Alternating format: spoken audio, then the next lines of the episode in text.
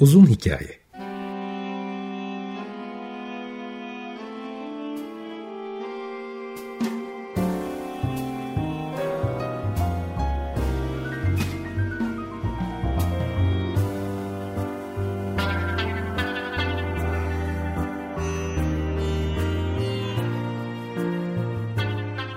Hazırlayan ve sunan Muzaffer Çorlu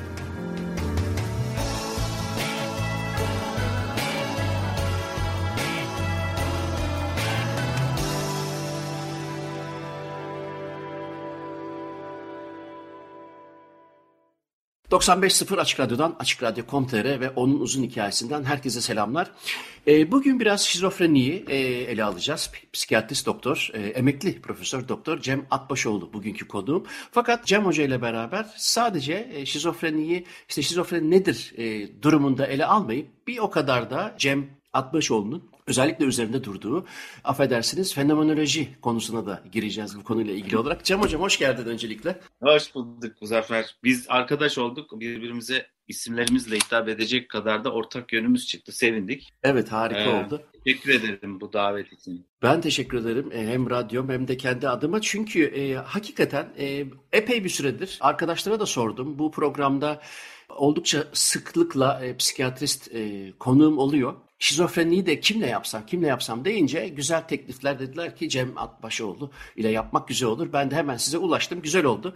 E, şimdi şöyle başlayalım. Önce e, dediğim gibi bu konuyu e, şizofreni nedir deyip e, bırakmayacağız ama onu gene de kısaca açalım. Çünkü emekli akademisyen olman, olmana rağmen hala e, pratik hekimliği diyelim devam ettiriyorsun ama bütün bu e, hem akademisyenlik hem de e, bu işe biraz gerçekten kafa yormuş birisi olarak ben çünkü e, inceledim ilgimi de çekti onları da konuşuruz. Önce şizofreniyi çünkü o kadar çok kullanılıyor ki bir şey yapmaya çalışalım çok zor kim, çünkü 4000 yıldır kimse şey yapamamış. Biz 50 dakikalık programda şey yapamayız biz de haliyle. Dolayısıyla nedir şizofreni? Bir psikiyatrist gözüyle. Sonra da bu fenomenolojik, epistemolojik açılardan da ele alarak belki de buradan da psikiyatrinin e, yöntemsel sorunlarına kadar gidebiliriz. Tamam. Şizofreninin aslında e, ne olduğunu özetlerken çok karşılaştığım bir cevabı verebilirim. Çok zor bir soru, çok uzun. Tam olarak söylemek zor filan gibi. Baştan net olarak söyleyeyim ki ben şizofrenin geçerli bir hastalık olarak ele alınması taraftarı değilim. Bu antipsikiyatrik bir bakış açısı gibi tınlayabilir diye de çok endişe ediyorum. Yani şizofreni yoktur demek, bu hayatta delilik yoktur, psikiyatri de zaten olmayan şeylerle uğraşıyordur anlamına gelmemeli ama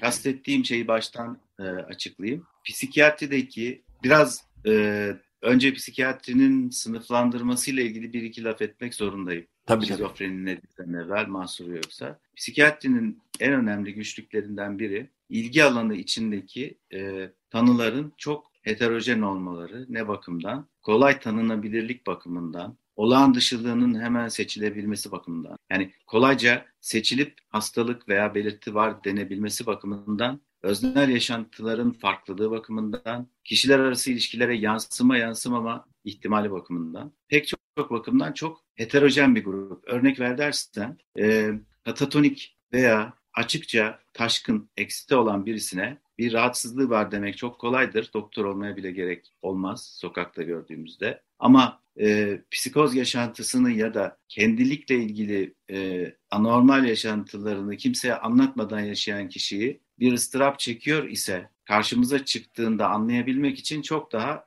e, derin ve empatiye dayalı bir görüşme yapmak gerek. Bir de psikodinamik formülasyon ya da psikopatolojik formülasyon gibi uzmanlık kadar tecrübe ve beceri de gerektirecek olan, yani bilgi kadar tecrübe ve beceri de gerektirecek olanlar var. Bunun içine e, şizofreni denen rahatsızlığı da koyabiliriz. Peki nedir? E, şizofreni zamanında 1911'de ilk defa Bleuler'in ismini şizofreni olarak koyduğu daha evvel Krapeli'nin demans prekokusuna karşılık olarak koymuş olduğunu söylediği için bugün hala aynı şeylerden söz ettiklerine inana geldiğimiz, bugünkü bizim koyduğumuz tanılar da aynıdır diye düşündüğümüz, ağırlıklı olarak psikozla ve sonradan eklenen bazı negatif belirti denen belirtilerle seyret, ettiği söylenen bir rahatsızlık. Şimdi tarihine girdiğimiz zaman zaten ya ben yani psikoloji okuduğum yıllarda müziğin yanı sıra bizim derslerimizde özellikle psikoterapötik ortamda özellikle şizofrene girdiğinde her psikoloji öğrencisi gibi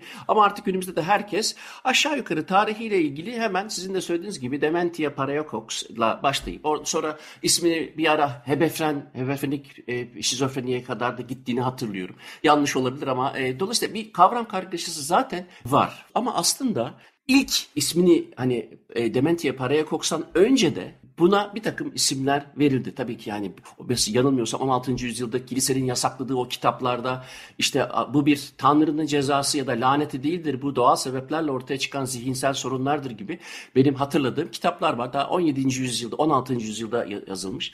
Ama ondan önce de e, yanlışsa düzeltin ve bir yandan da e, or, oradan e, alalım günümüze gelmeden önce en az 2000 yıllık dokümente edilmiş bilgiler e, bu akıl yarıklığıyla ilgili doğru mu e, olur böyle söylemek bilmiyorum ama e, bir takım belgeler sunuyor bize zaten. Antik Mısır'dan, hakeza Hipokrat'ın da e, az çok tanımladığı ya da işte Celsus'un e, Roma'da az çok tanımladığı bir takım e, şeyler var. Dolayısıyla 2000 yıllık bir en azından dokümente edildiği kadarıyla bir durumdan bahsediyoruz ki o da belki halk arasında gerçek dünyadan tırnak içinde işte o gerçek dünya ne demekse ondan kopmuş ve kendi halinde bütün e, algılamaları kendi içinde dönmüş diye bilinen bir durum aslında. Şimdi siz onu teknik kelimelerle anlattığınız için ben yanlış anlaşılmaması adına bunu layman e, kavramlarına indirgemek istiyorum. Dolayısıyla lütfen şey yapalım. Eğer uygunsa e, bu 2-3 bin yıllık tarih içerisinde biz şimdi şizofren dediğimiz şeye insanlığın bu yeni tarihi 2000 yıllık tarihi ne dedi? Nasıl bir yolculuğa haiz bu hastalık ya da hastalık diyebilirsek bu durum? Tamam iyi oldu böyle sordun. Şimdi e, önceki söylediklerimiz yani e, bin yıllardır bilinmekte olan şeylerin şizofreni olduğundan e, emin olamıyoruz tabii ki. Delilik demek daha doğru aslına bakarsan. Hı hı. En büyük zorluklardan biri de şu zaten. Delilik deyince akla ilk gelen şeyin şizofreni olması. Şizofreninin de bütün psikiyatrik tanılar içerisinde hem en heterojen yani yıllar içinde pek çok şeyin karşılığı ola gelmiş bir isim olmasına rağmen hem de bugün bir beyin hastalığı gibi ele alınan bir şey olması arasındaki karşıtlık. Yani en heterojen olabilecek kavramlardan ve zaman içinde en çok değişikliğe uğrayabilmiş olabilecek kavramlardan birini biz bugün e, neredeyse psikiyatrinin en e, güzel temsilcisi olabilecek beyin hastalığı ve tek bir beyin hastalığıymış gibi ele alıyoruz. Yani şizofreninin diğer psikiyatrik tanılardan daha sorunlu olmasının sebebi. Bilmem anlatabildim mi? Yani evet. hem heterojenitesi hem çok yüksek vakalar arasında, tarih içerisinde hem de bugün şizofreni bir beyin hastalığıdır ve yalnızca bir beyin hastalığıdır bakışının en yaygın olduğu, en çok kabul gördüğü rahatsızlıklardan. O yüzden mesela tarih boyunca söylene gelen şeylerin şizofreni olduğundan emin değiliz. Yani en iyi bildiğimiz örnekler Kalbaum'un yaptığı tarifler falan da var ama asıl ilk şeyler 20. yüzyılın başında Krepel'in yapmış olduğu Dementia Precox ve onun hemen ardından Bloyler'in yaptığı e, zihin bölünmesi tanımı. Sanıyorum kelimeyi de e, yani şizofreni akıl ya da zihin ya da mental bir zihin, ayrım, bölünmesi. yarıklık bölünmesi. Peki evet. bir şey soracağım bu noktada. Şimdi günümüzdeki e, en azından 20-30 yıldır bir takım TMS'lerle ya da işte manyetik rezonans teknikleriyle bazı ölçümler daha daha eskiye göre daha iyi yapılabiliyor. Şimdi bu bir bir defa kognitif disfonksiyona tekabül eder mi? Bunları fMRI'larla görebilir miyiz? Yani bugün şizofreninin şizofreni denen bir fonksiyonun aynı zamanda bir dismorfolojik beyin yapısına ilişkin sadece genetikte kalmayıp aynı zamanda kişiye özel, o kişide ortaya çıkmış nörokimyasal ya da e, morfolojik bir bozukluğa da tekabül eder mi? Bunları fMRI yollarıyla biliyor muyuz, gördük mü? Gördük zannediyoruz. Çok açık konuşacağım. Hı hı. Hayır görmedik. Bu şu demek değil. Deliliğin beyinde bir karşılığı yoktur demek değil. Tabii ki var. Ama her şeyin beyinde bir karşılığı var zaten. Nöral substratı var. Mühim olan şey şu. Biz göstermeye çalıştığımız şeyin geçerli olduğunu yani doğal bir tür olduğunu felsefecilerin daha çok kullandığı bir laf bir natural kind olup olmadığına gerçekten aklımızı yatırıyor muyuz? Hı hı. Ve neyin nöral karşılığına bakıyoruz? Ee, teknolojideki gelişmelerin hızına psikopatoloji ve ayrıntılı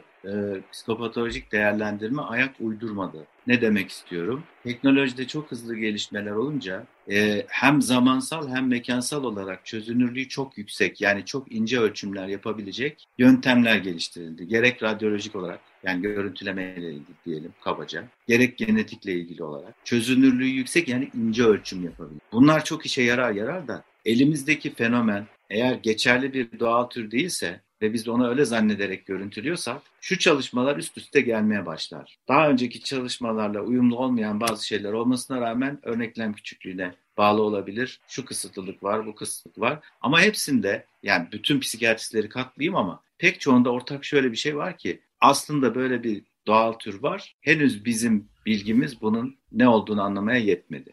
Peki madem öyle o zaman ben e, benim okuduğum kadarıyla özellikle yeni teknikler diye isimlendirilen tedavi yöntemlerinde nöromodülasyon, nöronavigasyon gibi e, fMRI sonuçlarına dayanılarak bir takım tedavi ya da sağaltım yöntemleri uygulanıyor. O zaman sizin burayla ilgili yani senin burayla ilgili bir yani nöron bağlantıların düzenlenmesine ilişkin müdahalelerde bir e, ciddi bir şerh koyduğunu anlıyorum. Tabii tabii. Kesinlikle koyuyorum. Elektrokonvülsif tedaviyi çok ayrı tutuyorum. Hı hı. Ve şizofreniyle birebir ilişkisini kuracağımız bir şey olmadığını da söyleyeyim. Yani elektrokonvülsif tedaviyi şizofreni tedavisi olarak ele almayalım. Tek başına ele alırsak bunun ilk örneklerinden biri olarak EKT e, elektrokonvülsif tedavi psikiyatride vazgeçilmez tedavi yöntemlerinden biri. E, antipsikotik ilaçlar da böyle psikozun tedavisi için. Ama antişizofrenik hiçbir tedavi yok elimizde. Sıfır. Hı hı. Gerek modülasyon, gerek EKT, gerek transkraniyel manyetik stimülasyon hiçbir antişizofrenik falan değil. Hepsi semptomatik. Özellikle benim çok merak ettiğim şey oydu. Nöronal bağlantılarda e, müdahale işte buna bilmiyorum. Öyle isimlendirdikleri için söylüyorum. Nö, e, nöromodülasyon ve nöronavigasyon demişler adlarına. Ben bir psikiyatrist değilim ama hani e, kavramsal olarak bile bana soğuk gelen bir de durumun bireyselliğine de aykırı gibi e, algıladım ama tabii bütün o araştırmaları yaptıktan sonra sormuş değilim bu soruyu. Dolayısıyla sorunun kendisinde e, hatalar olabilir. Fakat gene de şurada ısrar etmek istiyorum. Onu biraz açalım istiyorum bunun hiçbir şekilde tedavisinin olmadığını mı sen söylüyorsun? Yani bu bir e, henüz antişizofrenik bir ilaç ya da yöntem belirlenemedi hala uğraşılıyor çalışılıyor mu? Şöyle söyleyeyim kat edilen yol konusunda çok fazla iyimserlik var. Eğer şizofreni tedavisinden söz etmekte ısrarlıysa. Senin ısrarlı olmadığını anladım. Zaten merakla sorduğunu gördüm ama şu var. E, şizofreninin tedavisini araştırıyoruz demeye devam etmenin yersiz olduğu kanaatindeyim. Hı hı. Çünkü bugün şizofreni dediğimiz şeyin geçerli bir tıbbi hastalık olarak ele alınmasında ciddi zorluk var. Benim çok sevdiğim bir hoca German Berios, tanıda da tedavide de semptom boyutlarına odaklanmanın her zaman daha işe yarayacağını söylüyor. Yaşantıya dayalı, e, öznel yaşantının anlaşılmasına dayalı tanılardan söz ediyorsak bu bütün psikiyatrik tanılar için geçerli. Neyi tedavi ettiğimize iyi bakmamız lazım. Yani şizofreni bütün belirtileri düzeltebileceğimiz bir hastalık olarak ele alırsak bir yere varabileceğimiz kanısında olmadığım bir tanı. Aynı şeyi duygu durum bozuklukları için, duygu durumdaki dalgalanmalar için söyleyecek kadar psikiyatri karşıtı bir laf değil bu. Nötr, yöntemsel bir hatadan söz ediyorum. Yani buradan bir yere var, varamayacağız. Bunu bırakalım artık. İnce e, semptom değerlendirmesine gidelim diyorum. Peki bütün bu bu şekilde düşünenlere karşı eleştirilerin odaklandığı nokta önemli yazar, e, filozof diyelim mesela Michel Foucault gibi ya da işte Deleuze, Lacan gibi e, ba, yani başında da söz ettin ya hani anti psikiyatrik tınlamasın diye. Fakat ne olursa olsun o konu oraya gidiyor. Benim de şimdi aklıma bu düştü bir defa. Bu durumu yani bu bakış açısını e, anti psikiyatriden ayıran ne? Tam olarak? İnsanların ıstırap çekmelerinin Foucault'un söylediği gibi sadece toplum yapısı ve otorite e, ile açıklanması gibi bir iddia yok burada bir. İkincisi psikiyatrinin ne olursa olsun e, baskıdan başka bir özelliği olmadığı gibi bir iddia yok. Tam tersine ne var? E, ruhsal sıkıntı, ıstırap diyebileceğimiz bir fenomen bu dünyada vardır ve psikiyatri bazı şerhler koyacağım birazdan ama bütün bunlara fayda etme potansiyeli taşıyan bir disiplin olarak e, işe yaramaktadır ve yarayabilir. Ama şu anda psikiyatri çok ciddi bir yöntem sorunundan ve teknoloji psikopatoloji arasındaki e, hız disosyasyonu, ilerleme hızındaki disosyasyondan ötürü e, ciddi bir çıkmaza saplanmış durumda gibi geliyor.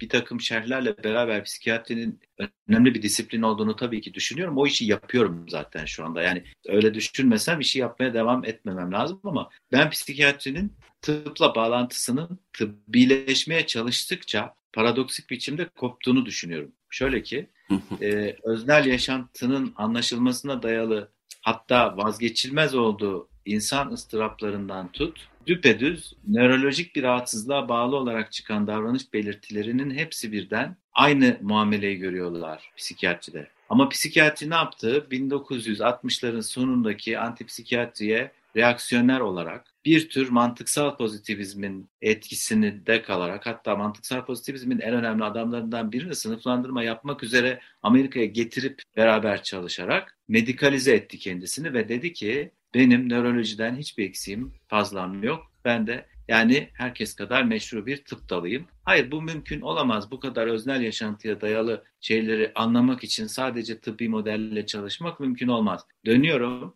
neden şerh koyuyorum diye kendini tıbbileştirmeye çalıştıkça tıpla bağlantısı koptu diye. Bugün bütün psikiyatriye gelen rahatsızlıklar tıbbi model içinde ele alındıkları ve beyin hastalıklı olarak ele alınmaları e, yaygınlaşmış olduğu için gelenlerin hepsi psikiyatrik tanılar alıyorlar. Ama bize gelen hastaların aslında hiç azımsanamayacak bir kısmı dahili ve nörolojik rahatsızlıkların tezahürleriyle gelebilirler. Şizofreni, bipolar bozukluk gibi e, tanılar o kadar saygın tabir caizse tanılar oldular ki bir kez konduktan sonra değiştirilmeleri ihtimali de ortadan kalkıyor. Ve gözden kaçabilecek tıbbi tanılara yeterince bakmıyoruz. Yani klinikten çıkıp genel hastaneye yerleşebilmek amacıyla akıl hastanesinden psikiyatri kendi kendisini yöntem olarak sakatladı bana. Hı hı. Peki orada tabiri caizse dediğin yer hani saygını tırnak içerisine aldın ama daha çok dogmatik gibi tınladı ister istemez.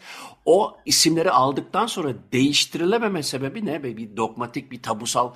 Çok güvenmem.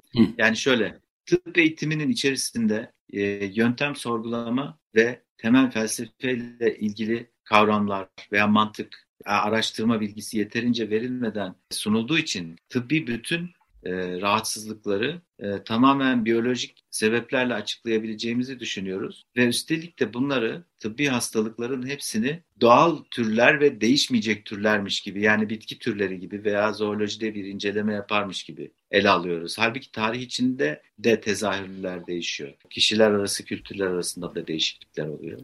Psikiyatrinin medikalize oluşunu bence tekrar ele alalım, daha da açalım hatta. Önce bir Pink Floyd dinleyelim. Ondan sonra devam ederiz. Fazlasıyla medikalize olmak ya da kendini tıpla özdeşleştirdikçe çıkan sorunları anlayabiliyorum. Fakat kendisini hangi konularda medikalize etmemeli psikiyatri bilimi? Hem yöntemsel olarak hem de kendi içeriği açısından. Ben psikiyatrinin yerini aslında genel dahiliyenin ve nörolojinin de e, kapsandığı bir nöropsikiyatri eğitiminin alması gerektiğini savunanlar. Nöropsikiyatri ile biyolojik psikiyatriyi bir tutma eğilimi var. Onu da açıklığa kavuşturayım. Biyolojik psikiyatri Şizofrenide e, işte A maddesinin düzeylerine baktık, farklı bulduk sağlıklılardan demek gibi araştırmalara daha yakınken nöropsikiyatri klinik değerlendirmeyi ve hem nörolojik muayeneyi hem öznel yaşantının anlaşılmasını hem kişiyi tarihi içerisinde ele almayı filan da gerektirebilecek bir şey. Ee, böyle yapıldığı takdirde nöropsikiyatrinin içerisinde medikal olanla medikal olarak ele alınması gerekenle psikoterapiyle kabaca ayırıyorum. Ele alınması gereken, psikososyal müdahale gerektirenler ayrılabilir. Biz e,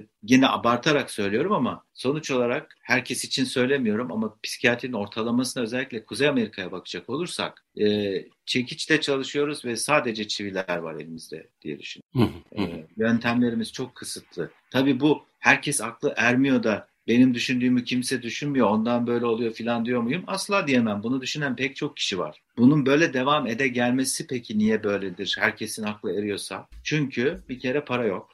Şunu kabul edelim. Psikiyatrik rahatsızlıklar çeşitliliklerini ele alırsak daha pahalı. Tedavisi çok daha pahalı şeyler. Sağlık sisteminde ciddi sorunlar var. Sadece Türkiye'de değil başka ülkelerde de. Bir tanesi bu. Onun dışında psikiyatrik rahatsızlıkların tedavisiyle, tetkikleriyle e, ölçüm yöntemleriyle ilgili çok ciddi bir endüstri oluşmuş durumda ve bu rahatsızlıkların geçerliliklerini sorgulayıp değiştirip her şeyi tekrar ele alalım dediğimiz zaman bu endüstriye ciddi bir darbe vurmuş oluyor. Bu istenmediği için sınıflandırma sisteminde de zaten büyük kavgalara rağmen büyük değişiklikler olamıyor. Belki de bu hani aşırı medikalize olmanın doğal sonucu mu ya da sebebi mi onu düşünüyordum ben de. Ama günümüz dünyasında ben mesela bazen hani bir kongreye gidiliyor diyelim ki benim e, alanım gereği mesela işte nöromüzikoloji diye söyleniyor ama önemli değil adının ne olduğu. Yani benim alanımda da öyle sponsorlar olabiliyor ki insanların sponsorları incitmeme adına çok da açık konuşmadıklarını hissediyorum. Şimdi bu bizim alanda bile varsa sizin alanınızda e, bu endüstrileşmenin e, ve de büyük paraların döndüğü yerde çok da pürist ol, olamıyorsunuzdur diye düşünüyorum. Bilmiyorum. Bunu şahsi e, olarak yani tek tek kişiler bazında bir etik sorun olarak ele almak da tabii mümkün. Ama onun dışında şu da var. Araştırmalara fon bulabilmek için de mevcut sınıflandırma sistemiyle konuşmak zorundasın. Hı hı. Yani bizim e, işte e, Hollanda ile İngiltere ile beraber yürüttüğümüz çalışmada biliyorum ki şizofreninin geçerliği konusunda ciddi şüphesi olan bir sürü meslektaşım var ama o grantleri alabilmek için şizofreni lafını kullanmak zorunda kalıyorlar. E, çünkü resmi olan bu. E, yani sadece Big Pharma'nın etkisinden söz etmiyorum. Aynı zamanda kurumsallığın getirdiği bir özgür düşünme güçlüğünden de söz ediyorum. Bu üniversitenin yapısına kadar da sirayet etmiş durumda. Başka laf konuşamıyorsun. Yani şizofreninin resmi tarihi geçerli. Resmi tarihinin üstüne değiştirelim diye uğraşıldı. Şimdi mesela genetik araştırmada da o kadar çok veri birikmiş durumda ki ben Ankara Tıp'tan ayrılmadan önce epeyce yüksek örneklemli bir biyobanka oluşmuş durumdaydı. Hala çalışıyor olabileceğini ümit ediyorum. Orada birikmiş olan DNA'dan ileride epey çok şey çıkabilir ama biz onu ancak şizofreni adını kullanarak al- almaya kalkışan grupla çalışabilmiştik. Oraya da çok para yatırılmış durumda ve onlar şizofreni için şöyle bir örnek söylersem belki açıklığa kavuşur. Ben hep otizmle şizofrenin birlikte değerlendirilmesi, örtüşen taraflarını ilk tanımlardan beri benzeştiklerini falan söylerim. Otizm çalışmak istiyoruz dediğim zaman Amerikalı bir gruba şizofreni çalışan ama onu başkaları çalışıyor biz çalışamayız dediler. Yani iş bölümünde, üniversitedeki iş bölümünde dahi alanlar kapılmış olduğu için disiplinler arası veya konular arası çalışmak gibi bir imkan, imkanımız kalmıyor. Bilim tabiri caizse kendi ayağına sıkmış oluyor aslında. Çünkü tamam, bizde evet. de öyle. Mesela özellikle Türkiye'de Batı Müziği Konservatuarı, Doğu işte Türk Musikisi Konservatuarı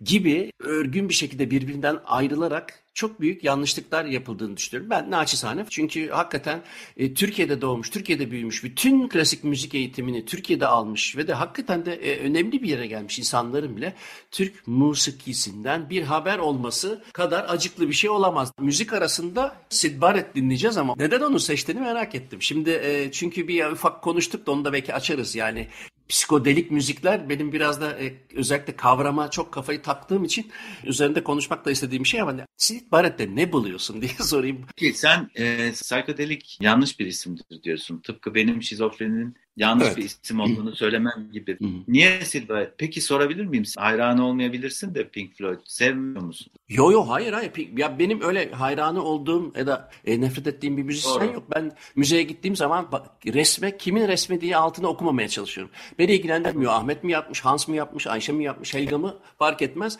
Beğeniyorum sonra altına bakıyorum. Yani işinden ressama ulaşmak hoşuma gidiyor. Epeydir yapıyorum bunu. Müzikte de biraz zor çünkü 40 yılın üzerinde müziğin içinde olunca. Ee, ama gene de öyle bir şey yok. Ben Pink Floyd'un çok sevdiğim eserleri var. Çok sıkıcı bulduğum eserleri de var. Ben gene Açık Radyo'da Amadeus programı yaparken Mozart'la ilgili Mozart'ın ilk senfonilerini, Salzburg senfonileri olan diye bilinen senfonileri beğenmediğimi söyledim. Bayağı linç yemiştim. Sen kim oluyorsun da ya beğenmiyorum. Başka da benim kulağım ve hissettiğimi kim denetleyebilir? Mozart benim en en beğendiğim, daha doğrusu en çok eserini beğendiğim bestecilerden biri Mozart'tır.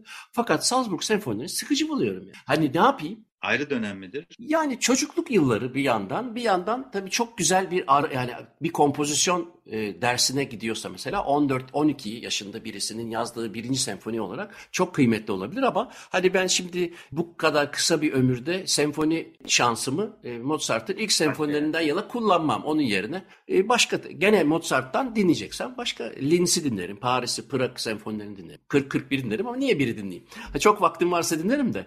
E, onun Anladım. gibi Pink Floyd'dan da e, çok ya da Sid Barrett'in de sevdiğim Kesinlikle sevdiğim parçaları var ama psikodelik dendiği zaman beni rahatsız eden şey e, işte bu 60'larda bu özellikle yani hippie dönemiyle beraber işte bu LSD'ler şunlar bunlar marihuanalarla beraber yani o değişen algılamalar, kognitif yapılar. Değişince müzisyenler de tabii o hani Van Gogh'un resimleri de psikodelik böyle bakılırsa. Monet de psikodelik. Herkes psikodelik o öyle bakıldığında ama burada klişe olan ve beni rahatsız eden şey 60'lardaki teknolojiyi düşünürsek oradaki işte o samplerların kullanılışı, e, bitmek tükenmek bilmeyen e, echo loop'ların tekrar edişi, tonalitede ara sıra işte e, majör minörü bir kenara koyup daha çok işte Dorian gibi yani model takılınması. E, bir o kadar da eğer bir Hint enstrümanı konursa mesela ne bileyim tabla gibi, sitar gibi o zaman hemen ah bu psikodelik. O müziği besteleyen ya da o grup o sırada psikodelik bir madde kullanıyor olabilir. Ama sonuç öyle değil. ben onun için karşı çıkıyorum. Aslında çok benzer değil mi? Yani herhangi bir fenomeni karakterize eden çekirdek özelliğinin ne olduğunu fazla sorgulamaksızın evet. bir stigma üzerinden şey yapıyoruz. Evet, Benim de evet. şizofreni için söylediğim çok denk geldi esasında. Mesela şizofrenin stigmatize ediliyor dendiği zaman hor görülüyor filan e, dendiği anlaşılıyor çoğu zaman. Halbuki benim stigma ile kastettiğim şey şu. Görür görmez şizofreni demeye yatkın olduğumuz bazı stigmalar var. İsa'nın stigmaları gibi görür görmez. Yani kusur bildiriyor gibi. Olan dışılık ne kadar fazlaysa şizofreni deme ihtimali o kadar artıyor. E, tıpkı işte o döneme aitse psikodelik denme veya asit etkisi varsa onu deme ihtimalinin artması gibi. Halbuki sen orada tona bakıyorsun. E, veya işte tonal, atonal vesaire hiç girdi girmedi falan. Başka çok değişken var. Tabii bir, hiçbir parametreyi kontrol etmek mümkün değil ama şimdi Ludwig van Beethoven'ın e, bana göre Grossfüge ya da son zamanlarda yazdığı yaylı kuartetleri pekala psikodelik. Adamın hele bir de hayatını e, biliyorsak eğer e, çok daha anlamlandırabiliyorum. Orada o sesleri niye tercih ettiğini. E, dolayısıyla orada Beethoven'ın herhangi bir maddeyle psikodelik bir madde kullanarak o algılarıyla tekrar beste yapmasına o ismi vermenin bir manası olduğunu düşünmüyorum. O yüzden işte Jim Morrison'dan tutun da ne bileyim o kadar çok hatta Erkin Koray'a kadar ben burada Belçika'da geçenlerde bir Erkin Koray'dan bir şey çaldı. İşte herkes tanıyor, herkes de biliyor. Çok şaşırdım. Ben de hakikaten bilmiyordum. E, meğer psikodelik müzik olarak çok e, ilgi uyandırmış. Fakat dediğim gibi e, psikodelik müzik janrı nedir diye sorduğumda işte hani işte böyle birazcık e, Hint etkisi, biraz ekolar, biraz sampler falan filan. Yani ne alakası var? Adam hayatında hiçbir biçimde psikodelik maddeye dokunmamış bile ya da o maddeye ihtiyacı olmaksızın da psikodelik bir hale bürünebilir. O da olmamış fakat o yaftalama var. Yani Wikipedia düzeyinde bilgilerde şimdi eğer içinde azıcık Deep Purple, azıcık Sid Barrett etkisi, biraz sitar, biraz da işte hani e, cümle uzun olup e, ekoyu fazla kullanıldığında biraz da şey üzerine azıcık tarçın Böyle bir tanımı var psikodelik müziğin ama bence psikodelik müzik diye bir şey bence yoktur. Yani sınıflandırmaya meraklı olanlar, tanımlarla uğraşanlar. Ben lise öğrencisiyken ilk böyle rock biraz daha ayrıntılı dinlemeye başladığımda hangi tür rock sorusuyla çok ilgileniyordum mesela ve bazen anlayamıyordum. Yani şimdi buna hard rock deniyor. Nerede geçtik biz heavy metal'e? Veya soft dediğinizde siz ne kastediyorsunuz? Sınıflandırma gerçekten büyük bir ayak bağı oluyor ama benim bir e, kendi mesleğim açısından baktığım zaman benim ilgimi çeken bir şey var. O da algısı değişik diyelim değişik algılayan kişilerin sesleri nasıl ortaya koymak istediği, o motivasyonu beni ilgilendiriyor. Örneğin e, otizm spektrumdaki birisi ya da örneğin örneğin e, ağır majör depresif disorder'ı olan birisinin e, bestelerindeki farklılık akustik açıdan hangi parametrelerle e, ifade ediliyor. Bu benim ilgimi çekiyor. Zaten nöromüzikoloji de bu demek. Örneğin e, Ravel'in işte o af afazik durumu giderek arttıkça bestelerine bunu nasıl yansıtıyor? Ya da yansıyor mu görebiliyor muyuz? Evet orada bazı nörologlar genelde işte onun e, Ravel'in bolerosunu örnek verir. Çünkü çok tekrara girdiği için. Ama e, boleronun form olarak özelliği odur. Başka bir hiç afazisi olmayan birisine de baktığınızda tekrara dayanır ama tekrarlarda renkler değişir. Dolayısıyla ilk sürekli aynı melodiyi farklı bir orkestrasyonla dinleriz. Bu başka bir formdur zaten. Ya da işte hani hatta şey iddiası vardır. Sağ hemisferinde şöyle sol hemisferinde böyle son derece morfolojik yaklaşıp Ravel'in mesela sol el için piyano konçertosu vardır ama bunu Wittgenstein'ın yeğeni Birinci Dünya Savaşı'nda sağ kolunu kaybettiği için ona yazdı. Dolayısıyla da adam sadece sol eli var yani. Dolayısıyla o piyano konçertosu sol el için. Bunu hemisferlerle bağlamanın manası yok. Sizde de frenolojiye kayma ihtimali her zaman için var. Yalnız kuantifiye edebiliyorsunuz anladığım kadarıyla. Değil mi? Nöromüzikologlar bir nicel e, veriyle çalışabiliyorlar sonuçta. Evet olarak. tabii. Yani ne kadar kontrol edilebilir ama diyelim ki bipolar e, yaftası yemiş bir bestecinin e, iki uçtayken yaptığı besteler arasında akustik ve psikoakustik ne gibi farklar var? Buna bakıldığında işte hani hemen daha fazla majör tonlar mı kullanılmış, minör tonlar mı kullanılmış? Ya da onların progression'ı yani akorlar arasındaki değişimi nasıl olmuş? Ya da tempo değişikliği var mı? Enstrüman seçimi var mı? Cümle uzunlukları var mı? Notaları staccato, legato nasıl ayırmış? Evet bunlara bakıldığında ki 180 parametre var. Ben şimdi birkaç tanesini saydım. Bunlara bakıldığında bir takım farklar var. Fakat o farkları alıp da mesela e, depresif durumdayken e, ve manik durumdayken yaptığı besteleri manik haldeki bir müzisyen olmayan kişiye dinlettiğinde e, tercihi o oluyor. Yani a, bunu mu seçersin, bunu mu seçersin? O da onu seçiyor. Ki bir empati mi oluşuyor? O artık e, daha bir e, farklı bir boyut. Oraya girmek istemiyorum ama o da çok ilgimi çekiyor. Dolayısıyla... Pardon, dinleyen, dinleyenin manik depresif bir rahatsızlığı yok. Ay var. Öyle mi? O da o da aynı e, dertten muzdarip fakat besteci değil. Ve o besteci olmayan kişinin e, A konumundayken, A duygusundayken, manik diyelim, B duygusunda depresifken de e, o, aynı bestecinin o zamanda bestelediği besteleri tercih ediyor olması e, o şeyi güçlendiriyor. Yani akustik parametrelere indirgemekten yani soğuk, nicel bir e, yapıda bırakmaktansa bunun kendisi gibi düşünen diyelim kişinin de onu tercih ediyor olması e, başka empatik kapılar açıyor. O konular benim ilgimi çekiyor açıkçası. O zaman bir şey yapalım. Sid Barrett'ten Golden Hair'ı dinleyelim. Parçadan sonra diye seçtiğini konuşuruz. Psikiyatrist Profesör Doktor Cem Atbaşoğlu ile bugün şizofreniyi ve bu konuda yüzyıllardır dönen kavram karışıklığını konuşuyoruz.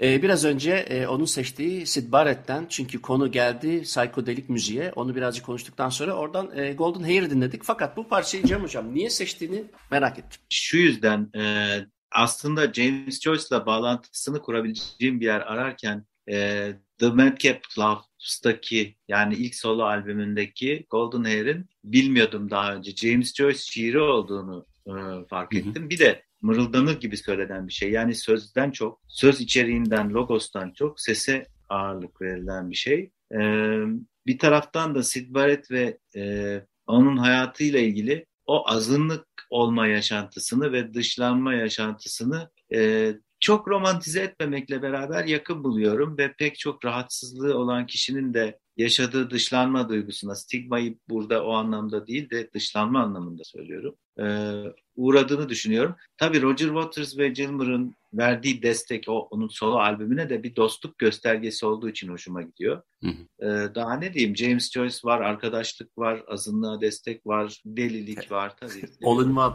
Peki şimdi birinci bölümde e, şizofreniyi ele aldık yeterince. Fenomenolojisini de ele aldık. Fakat orada iki kere e, geçtiği için söylüyorum. E, özellikle medikalize olmakla beraber işte bilimin kendi ayağına sıktığı o metodolojiden de bahsettik. Fakat ısrarla e, söylemem, söylemene rağmen e, altını açmadığımız ve de benim de önemli bulduğum şey var. O da e, öznel yaşantının anlaşılması. Hı hı. Şimdi bundan neyi kastediyoruz? Çünkü o parametreyi asla dışarıya çıkaramıyoruz. Hele konu şizofreni ise asla bir kenara koymadığımız bir durum. Fakat onu öznel yaşantı diye geçiyoruz. Ondan neyi kastediyoruz? Öznel yaşantıyı şizofreni de daha çok vurgulayışımın sebebini söyleyeyim. Hı hı. Öznel yaşantıyı anlamaya en az ihtiyaç duyarak fenomenolojide üçüncü şahıs perspektifi dediğimiz bakışla anladığımız rahatsızlıklardan olduğu için açıyorum. Üçüncü şahıs perspektifi Thomas Fuchs özellikle Husserl Heidegger Alman fenomenolojisinden daha çok etkilenen biri doğal olarak. Şunu kastediyor. Mantıksal pozitivizmin de temsil edebileceği bugünkü e, pek çok tıbbi bilimde de halen mevcut olan kendisinden ayrı, kendisiyle ilişkisi içinde ele alınmaya gerek olmayacak kadar farklı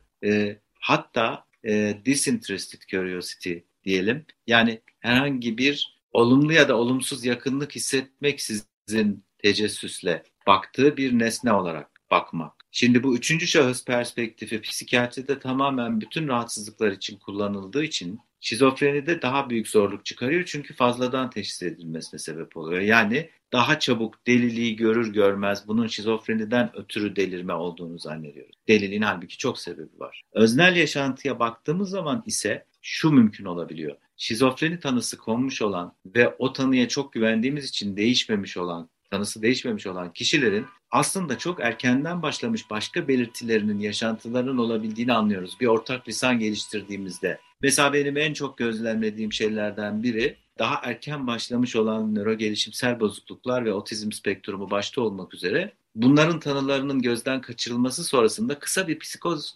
geçirdiği anda kişiye şizofreni teşhisinin konması ve böyle kalması. Niye kalıyor? Çünkü otizm spektrumu ve şizofreni arasında örtüşme de çok fazla zaten. Blörlerin ilk tanımında otizm var. Blörlerin ilk şizofreni tanımında otizm var. O yüzden öznel yaşantıyı anlarsak ez cümle, öznel yaşantıyı anlarsak şizofreni tanısını fazladan koymaktan kurtulabiliriz ve o kişiye daha gerekli tedaviyi vermek imkanımız olur, gereksizlerden de kurtulma imkanımız. Peki o e, yakın mıyız oraya yoksa hala e, aşırı bir kategorizasyon ve genelleme durumu mu? Yani şöyle fenomenolojik psikopatoloji böyle özel uzmanlık yapmayı gerektirecek bir şey olmaktan çok ustadan öğrenilebilecek, fenomenolojik kavramlar okunarak öğrenilebilecek hasta yaklaşımı görülerek pratiği yapılabilecek bir şey sonuç olarak. Yani birini anlamak için e, Kohut'un e, sel psikolojisinin önemli isimlerinden biri çok güzel bir lafı var. Empati bir psikiyatristin stetoskopu gibidir diyor. Yani semptomu teşhis etmek için dahi empatiye ihtiyaç vardır. İyi kalpli olmak anlamında söylemiyor.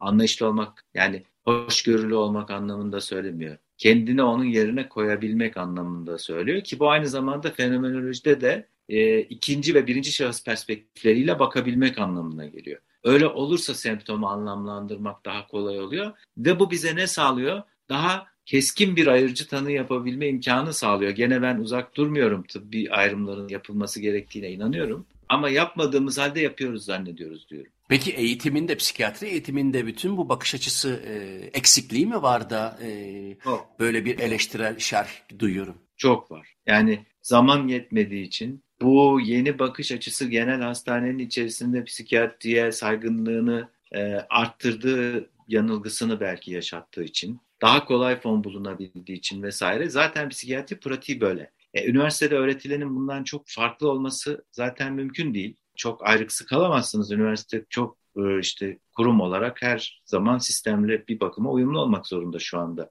günümüzde. Öyle olduğu için de psikopatoloji eğitimi çok iyi. Dünya çapında mı böyle? Dünya çapında böyle. Hı hı. Bir de özelleşme çok fazla olduğu için mesela psikopatolojiyle ve fenomenolojiyle ilgileniyorum diyen e, kişiler mesela eğitimle çok fazla uğraşıp da e, ona vakit harcamıyorlar. Thomas Lux mesela çok iyi kitaplar yazıyor ama keşke o çok kişiye ders verse mesela ve öğretebilse bir taraftan da. E, öyle olamıyor. Herkesin e, işi gücü başından aşkın. Ben peki ama yani hep çaresizlik söylüyorsun dersen şunu ekleyebilirim. Psikopatoloji eğitimine özel yer verilmesi ve baştan sona takip ettikleri vakaların olabilmesi lazım asistanların eğitimleri boyunca. Uzun süre görebilmeleri lazım bazı vakaları. Peki gündelik hayatın kendi psikopatolojisi var.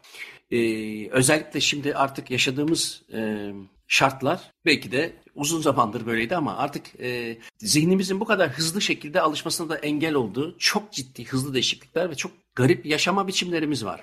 E, bu biraz antipsikiyatristlerin de çok fazlasıyla e, dile getirdiği bir şey olsa da etrafın, dünyanın, insanların ortaya koyduğu, seçtiği yöntem ya da yaşama biçimi, e, günümüz şartları zaten bir insanı bu şizofreniye çok yakıştırılan hallere sokmuş olmuyor mu? Yani o parametreyi nasıl dışarıda bırakıyor psikiyatri? Mesela e, günümüzde e, bu çılgın rejimde diyelim e, insanların e, bu dünyayı yok edecek e, metotlar geliştirdiği, bilerek ya da bilmeyerek, e, milyarlarca hayvanı katlettiği, çevre bilincinin neredeyse hiç olmadığı, işte küresel iklim değişiklikleriyle hiçbir şekilde ilgilenmediği birkaç kişinin sesi dışında e, bir de o, bir o kadar da bir e, parayla ve de e, satın almayla ilgili garipliklerin olduğu karma karışık insan dünyasında e, şizofreni bu baş, bu koşullarda bakıldığında biraz normalize olmuyor mu ya da nasıl bakmak lazım? Bu çılgınlığa bu e, durumu nasıl yakıştıracağız? Şimdi şizofreniyle tuhaflığı bir gibi tutarak konuştuğumuzda yanlış anlaşılabilir. Delilik desek olur mu?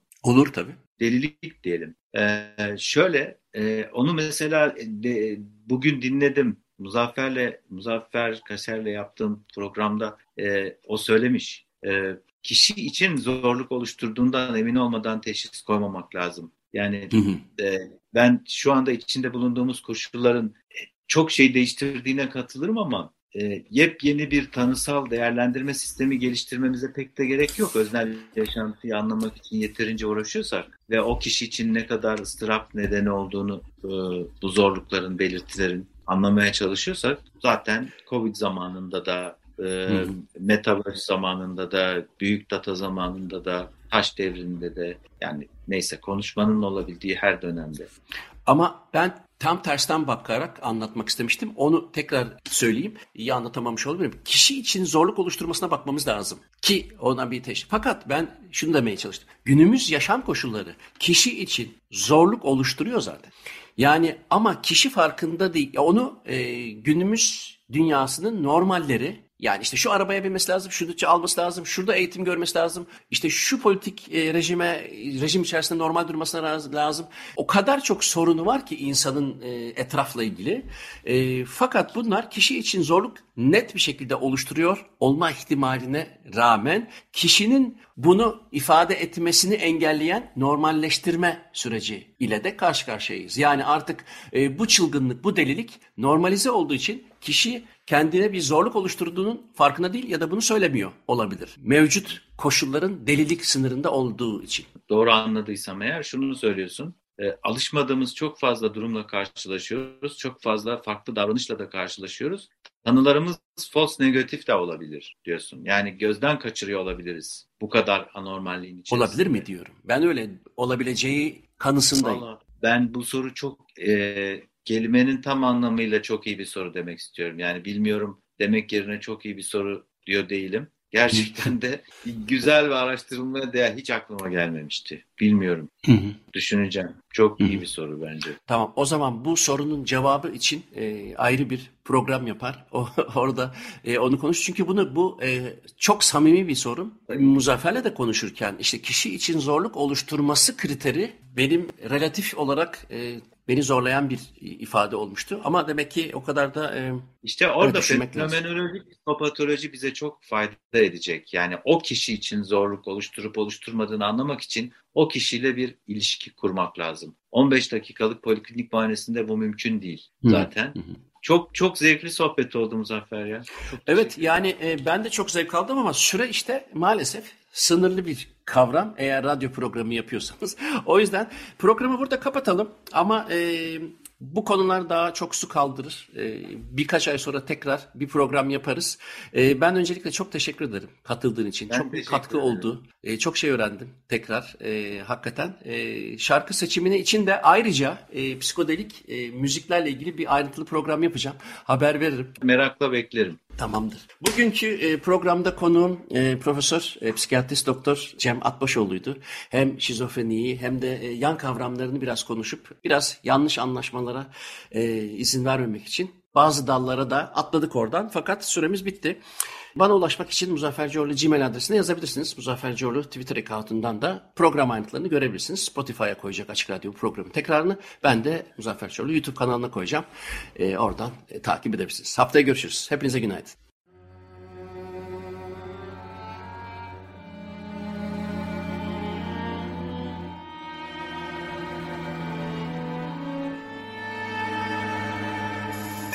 Uzun Hikaye.